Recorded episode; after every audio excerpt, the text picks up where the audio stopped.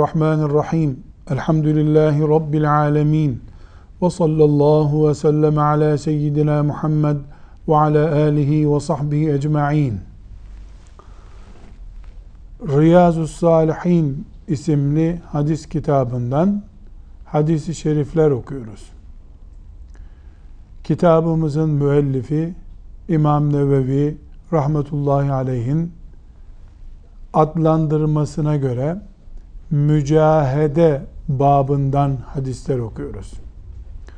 Mücahede Müslümanın daha iyi mümin olmak için, Allah'a kullukta daha iyi noktalara gelmek için gayret etmesi, yoğunluk göstermesi anlamına kullanılan İslami bir kavramdır. Müslüman orucu, orucunu mücahede ile başarıya ulaştırır. Mücahede ile namazında muvaffak olur. Her ibadet, kulluğun her çeşidi bir gayret ister.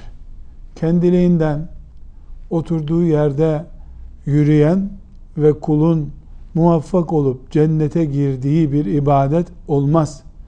Zihinde, bedende muhakkak bir yoğunluk ve gayret olmalıdır.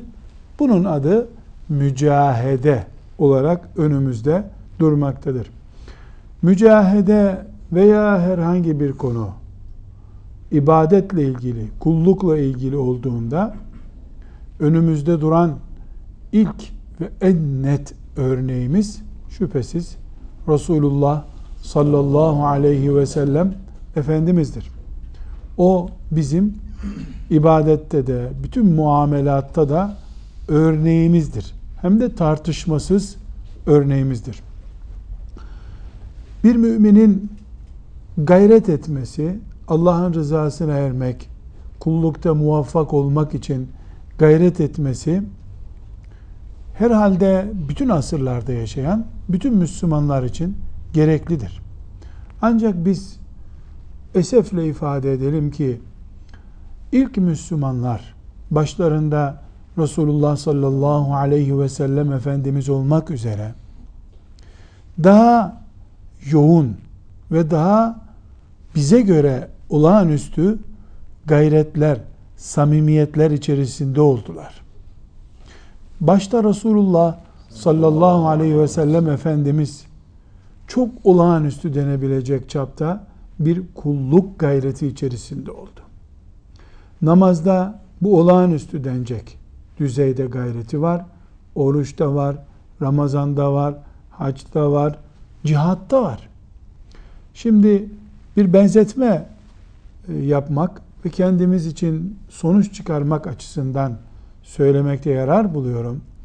Uhud gibi, Bedir gibi, Hendek gibi Allah'ın rızasının böyle okyanuslar gibi coştuğu ve o katılımcılara rahmet nazarıyla baktığına dair ayetlerin indiği o muhteşem olaylara katılan yani Bedir Bedir kahramanları, Uhud kahramanları, Hendek kahramanları o olaylardan sonra herhangi bir ibadet gevşekliği, kulluk gevşekliği göstermedikleri gibi sanki Bedir'deki o yiğitliği, Uhud'daki o muhteşem gayreti gösteren onlar değilmiş gibi Medine'ye, evlerine döndüklerinde ibadet gayretlerini artırdılar.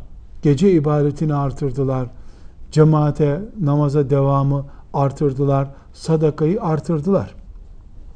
Bizim standartlarımızda, bizim anlayışımızla düşünüldüğünde mesela bir insan, bir Müslüman e, ashab-ı kiramın yüzde biri bile sayılmayacak bir gayretin içerisinde olduğunda mesela bir cami inşasına vesile olduğunda bir vakıf inşa edip onu hiya ettiğinde veya hacca gidip geldiğinde bakıyoruz ki bir rehavet basabiliyor.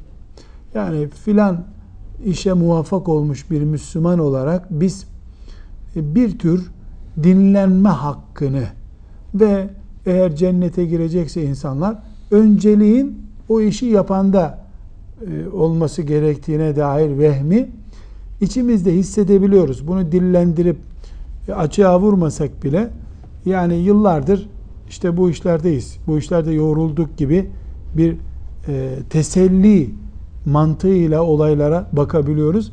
Halbuki başta Resulullah sallallahu aleyhi ve sellem Efendimiz olmak üzere ashab-ı kiram Allah'ın diğer büyük dostları bir işe muvaffak olunca ikincisinde e, başarılı olamaması halinde kendisini helak olacakmış gibi çok ciddiyet olağanüstü bir gayret içerisinde tuttular. İşte verdiğimiz örnekte olduğu gibi Bedir'den gelince şöyle bir tatili hak ettik demediler. Uhud'dan dönünce onca inen ayetlere, onları öven hadislere rağmen eh birkaç gün dinlenmeyi hak ettik demediler. Mesela ertesi gün sabah namazını mescide gitmeden evde kılma haklarını kendilerinde görmediler. Bu çok önemli bir ayrıntı. Eğer bir Müslüman haçtan döndüğü gün çok yorulduğu için camiye gitmeme hakkını kendinde görebiliyorsa veya Ramazan-ı Şerif'te e, çok yorulduğu için işte e, davete gidip gelirken, iftara gidip gelirken zorluk çektiği için cemaatle namaza gitmemeyi hakkını kendinde görüyorsa Uhud'un ertesi gününde bile cemaate gitmeme hakkını kendisinde göremeyen ashab-ı kiramla nasıl bir benzeşme yaparız biz? Kimi kime benzeteceğiz? Kiminki aşırılık?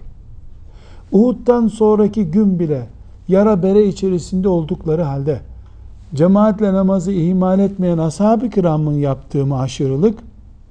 Pikniğe gittiği için yorulduğunda veya işte bir toplantıya, bir törene katıldığı için yorulup kendisinde cemaatle namaz kılmama hakkı ve özrü gören mi aşırılık içindedir? Her halükarda ibadet, kulluk, Allah'ın rızası büyük bir gayret ve olağanüstü bir hamle ile ancak elde edilebilir. Teselli ile, temenni ile Allah'a kulluk yapılması mümkün değildir. Şimdi okuyacağımız hadisi şeriflerde başta Resulullah sallallahu aleyhi ve sellem Efendimiz olmak üzere ashab-ı kiramın bu gayreti nasıl anladıklarını, nasıl yorumladıklarını, nasıl bir mücahede ve hamle içerisinde olduklarını göreceğiz inşallah. Şimdi Riyazu Salih'indeki sıralamaya göre 104. hadisi şerifteyiz. Hafız kardeşimizden teberrüken hadisi şerifin metnini dinleyelim. Meclisimizde bereket olsun. Ondan sonra da tercümesini dinleyerek kendimizden kendimiz için bir ders sonuç çıkarmaya gayret edelim. Buyurun. Bismillahirrahmanirrahim. An İbni Mes'udin radıyallahu anhu kal. Sallaytu ma'an nebiyyi sallallahu aleyhi ve sellem leyleten fe atalel kıyame hatta hamamtu bi emrin su'in. Qila ve ma hamamte bih? Kal hamamtu en eclise ve eda'ahu. Muttefakun aleyh. Sadaka Resulullah sallallahu aleyhi ve sellem. İbni Mes'ud radıyallahu anh şöyle dedi. Bir gece Resulullah sallallahu aleyhi ve sellemin arkasında namaz kıldım. Ayakta o kadar uzun durdu ki en sonunda içimden hoş olmayan bir şey yapmayı bile geçirdim. Ne yapmayı düşündün dediler. Peygamberi ayakta bırakıp oturmayı düşündüm dedi. Sadaka Resulullah Sadaka Resulullah sallallahu aleyhi ve sellem. Hadisi şerifimiz Buhari'nin ve Müslim'in rivayet ettiği bir hadis. Sahih bir hadis-i şerif. Ravimiz ashab-ı kiramın ilklerinden ve büyüklerinden Abdullah İbni Mes'ud radıyallahu anh. Konumuz Resulullah sallallahu aleyhi ve sellem Efendimiz bir gece nafile namaz kılıyor. Nafile namaz kılarken de Abdullah İbni Mes'ud radıyallahu anh onun arkasından ona cemaat oluyor. Demek ki sahabe yaptığına göre nafile namaz kılan bir imamın arkasında öğle namazını camide kılıyor gibi cemaat olunulabilir. Yani imamın nafilesine nafile niyetle herhangi bir Müslüman uyabilir. Çünkü sahabe-i kiram Efendimiz sallallahu aleyhi ve sellemin arkasından bu şekilde namaz kılmışlar. Burada Abdullah İbni Mes'ud radıyallahu anh'ın bu olayı nakletmesine neden olan şey Resulullah sallallahu aleyhi ve sellem Efendimizin namazda kıraati uzatması. Nafile namaz kılıyor. O kadar uzun, o kadar uzun okumuş ki, sayfalarca okumuş ki, Abdullah İbni Mes'ud radıyallahu anh, kötü bir şey düşündüm bile diyor. Ne düşünmüş kötülük olarak? Peygamber Efendimiz sallallahu aleyhi ve sellem ayakta kıraat yaparken namazda oturmayı düşünmüş. Yorulmuş, oturayım düşünmüş. Sonra da öyle bir şey de yapmamış. Efendimiz sallallahu aleyhi ve sellemin arkasında böyle namaz kılarken ayıp olur diye yapmamış. Her ne kadar caiz olsa bile nafile namazda oturarak devam etmek edebine uyduramayıp, edebine uygun görmeyip o şekilde yapmamış. Buradan bize ne ders çıkıyor? Resulullah sallallahu aleyhi ve sellem Efendimiz farzları en mükemmel şekliyle yaptı. Daha güzeli olmaz zaten. O şekilde yaptı. Cihadın en büyüğünü, en zorunu yaptı. Ondan güzelini yapmak zaten mümkün değil. İnsanlığın en güzelini yaptı. Ondan ahlaklı, ondan nazik insan olmak mümkün değil. Ama başka hadislerde de gördüğümüz gibi gece saatlerce de namaz kıldı. Neden? Daha iyi bir kul. Şükrün hakkını veren bir kul olma arzusundan dolayı. İşte mücahede budur. Nedir mücahede o zaman? Farzlarla yetinmeyip kendiliğinden nafile türünden ibadetler yapmak. Bir. iki Yaptığına kalite katmak. Sallallahu aleyhi ve sellem Efendimiz belki nafile namaz kılmasaydı da olurdu. O gün veya ertesi gün ya da üç gün önce üç gün sonra cihattaydı zaten. Veya bir müminin derdiyle meşguldü zaten. Farzları hakkıyla eda etmişti. Ama buna rağmen Resulullah sallallahu aleyhi ve sellem Efendimiz nafile ibadetler yaptı. Yaptığı nafile ibadette de görüyoruz. İşte namaz kılıyor. Kevser suresini okuyup da kılabilirdi. 3 sayfa, 5 sayfa, 10 sayfa, 1 cüz, 2 cüz bir rekatta zamm-ı sure okuduğunu görüyoruz. Neden? Daha iyi şükreden bir kul olma arzusuyla, umuduyla. Büyük bir gayret. Allah'a kullukta büyük bir gayret ve titizlik göstermek mümin olmanın, müminliğin hakkını vermenin gereklerinden birisi. Evet, bu tür bakış yani insanın e, Allahu Teala için daha iyi şeyler yapma arzusu, emeli bir bakış, anlayış türüdür. İnsanın dünya hayatına verdiği değer, ahiret hayatına verdiği değer arasındaki dengenin sonucu böyle şeyler düşünebilir insan. Eğer ahiret hayatı, ahiret anlayışı, dünya anlayışının yanında cılız kalıyorsa, o Müslümanın belki cuma namazını kılıp hakkını vermesi mümkün olur. İşte biraz daha gayretli olursa belki farz namazları eda etmiş olur. Ama özellikle Müslümanın 24 e, saatini ahiretin yanında bir dakika bile etmez çapta gördüğü bir anlayışı varsa o Müslüman daha büyük gayretler, daha büyük hamleler içerisinde olur, olmalıdır da. Şimdi bu bakış türünü yani ahireti dünyaya ezdirmeme, dünya işlerini abartıp ahiret işlerini cılız bırakmama anlayışını sağlayacak bir hadisi şerifi yine Buhari ve Müslim'in rivayetinden e, dinleyelim. Teberruken metnini de dinleyelim. Sonra tercümesini de dinleyelim ve üzerimize hangi ders notları geçmesi gerekir ona da bakalım. Bismillahirrahmanirrahim. An Enes radıyallahu anh an Resulullah sallallahu aleyhi ve selleme kal. Yetba'ul meyyite thalâthetun. Ehluhu ve maluhu ve ameluhu.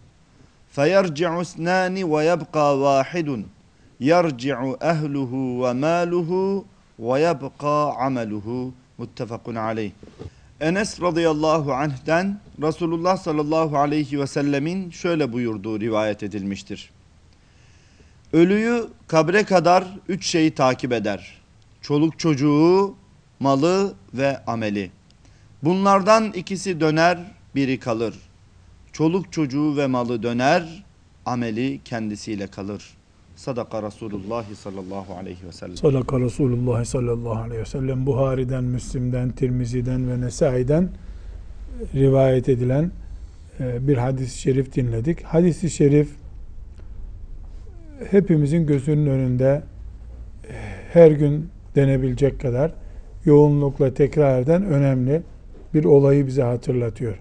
İnsan öldü mü onun tabutuyla beraber çoluk çocuğu gelir. Zenginliğine ait forsu da mezarlığa kadar gelir. Ama bunlar geri dönerler. Babamız, annemiz, eşimiz buradadır diye haftalarca hiç kimse mezarda beklemez. Toprak üstüne atıldı mı çoluk çocuk o çok sevenler, çok ağlayanlar ağlaya ağlaya da olsa evlerine geri dönerler. Kim kalır peki mezarda insanla beraber? Ameli. Amelimiz nedir? Allah için yaptığımız işlerimizdir. Veya Allah için yapılmaması gereken buna rağmen yaptığımız olumsuz işlerdir. Onlar ve onlar yani Allah için yapmamız gerekenlerle Allah'tan korkup yapmamamız gereken şeyler orada mezarda kalacak. Bu ne? Neden İmam Nevevi rahmetullahi aleyh bu hadisi şerifi bu bölüme koydu. Mücahede bölümüne. Hani Müslüman o mezarda neyle baş başa kalacağını düşünerek bir rekat fazla namaz kılmaya çalışmalı. Bir e, ölçü daha fazla sadaka vermeye çalışmalı. Allah için yapılacak işlerden bir tanesini daha fazla yapmaya gayret etmelidir. Çünkü herkes gidecek. Mal gelmeyecek. Çoluk çocuk geri gidecek. Fakat amel mezarda insanla baş başa kalacak. Şüphesiz mezardan ibaret bir hayatımız da yok ölümden sonra. Mahşer yeri var. Cennet var, cehennem var. Hepsi için aynı formül geçerli. Hiç kimse Allah için harcanmamış bir malını kıyamet günü yanında bulamayacak. Allah rızası için beraber bulunulmayan çoluk çocuğunu yanında bulamayacak. Bunları düşünüp bu formüle göre hareket etmemiz gerekir. Nedir formülümüz? Ahiret dünyanın yanında ezilmemelidir. Evet, dünya da atılıp ihmal edilmesin. Dünyadan da nasibimizi unutmamamız gerekiyor. Dünyada da bir nasibimiz var. Ne kadar bu? Ayakta durup, bedenimizi ayakta tutup Allah'ın rızasını kazanmak için canlı yaşayacağımız süre kadar dünyadan da nasibimizi unutmayacağız. Ama dünya ahireti ezmemeli. Uyku namazı e, erteletmemeli. Mal sevgisi Allah için harcamaya engel olmamalıdır. Demek ki Müslüman bir mücadele içerisinde olacak, bir gayret içerisinde olacak. Bu gayreti yaparken de işin sonunu düşünecek. Mezarda nasıl yalnız kalacağını düşünecek. Aksi takdirde bunun tersi olması halinde yani bu düşünceyi zihnine oturtamamış bir Müslüman mezarda kendisine yarayacak işler yapmaya muvaffak olmaz. Sadece farzları yapmayı hedefler. Farzların da tamamını yapmaya muvaffak olmayabilir maazallah.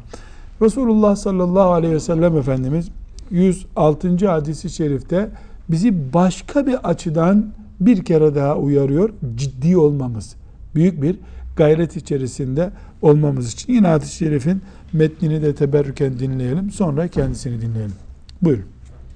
Bismillahirrahmanirrahim. An İbni Mes'udin radıyallahu anh kal قال النبي صلى الله عليه وسلم الجنة أقرب إلى أحدكم من شراك نعله والنار مثل ذلك متفق عليه İbni Mesud radıyallahu anh'den rivayet edildiğine göre Resulullah sallallahu aleyhi ve sellem şöyle buyurdu.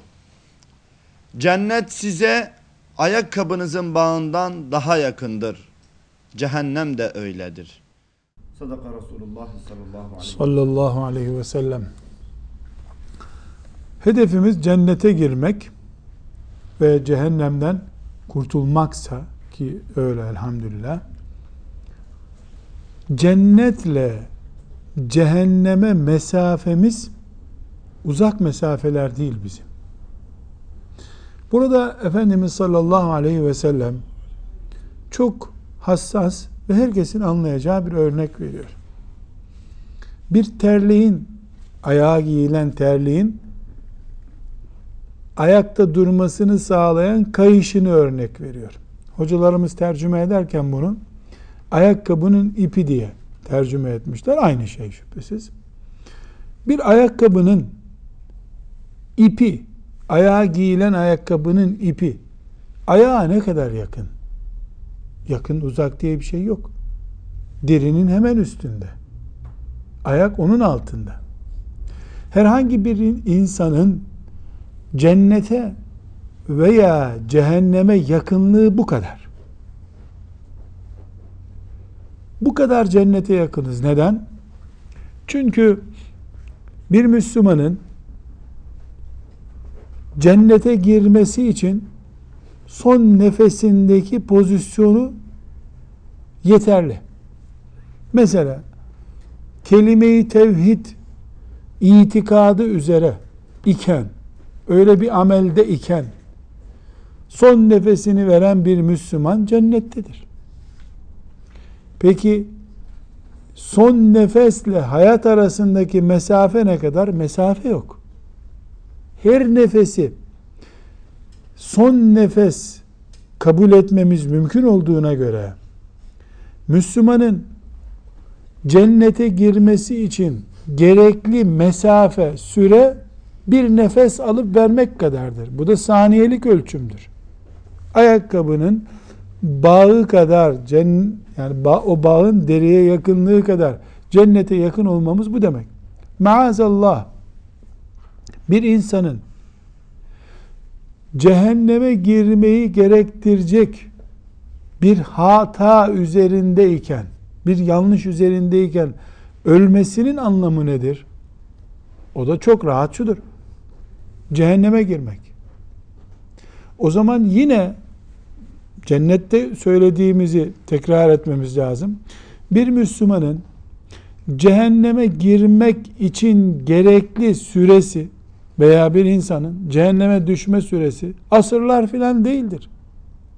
Eğer bir söz itikada ait ağır bir hata cehenneme sokuyorsa son nefesinde o hata ile yakalanan cehenneme girecek demektir.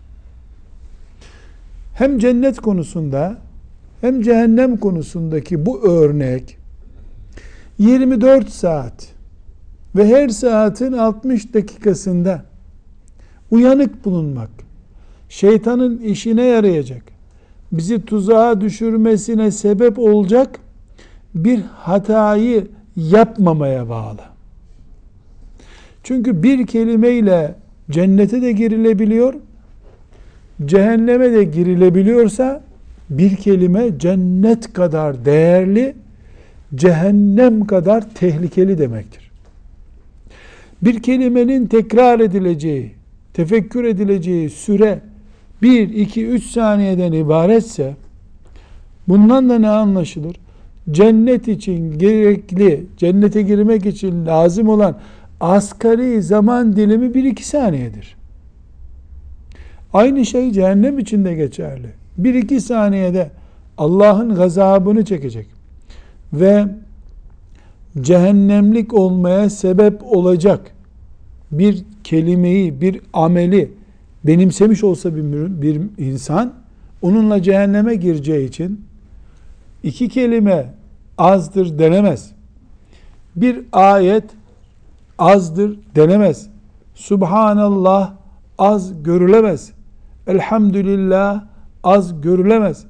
Bir rekat namaz hiç az görülemez. Bir sadaka asla az görülemez. Tersten de az görülemez. Bir espridir nihayet deyip akide tehlikeye atılamaz. Bir günlük pikniktir denemez.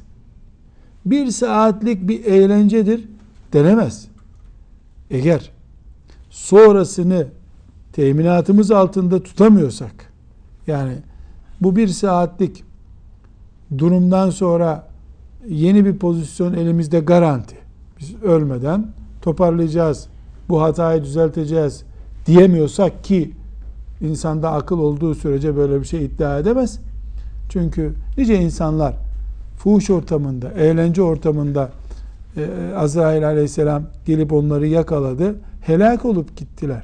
Onlar da belki kısa bir e, film gibi bunu yaşayıp sonra kurtulacaklarını, düzeleceklerini zannediyorlardı. Nasip olmadı.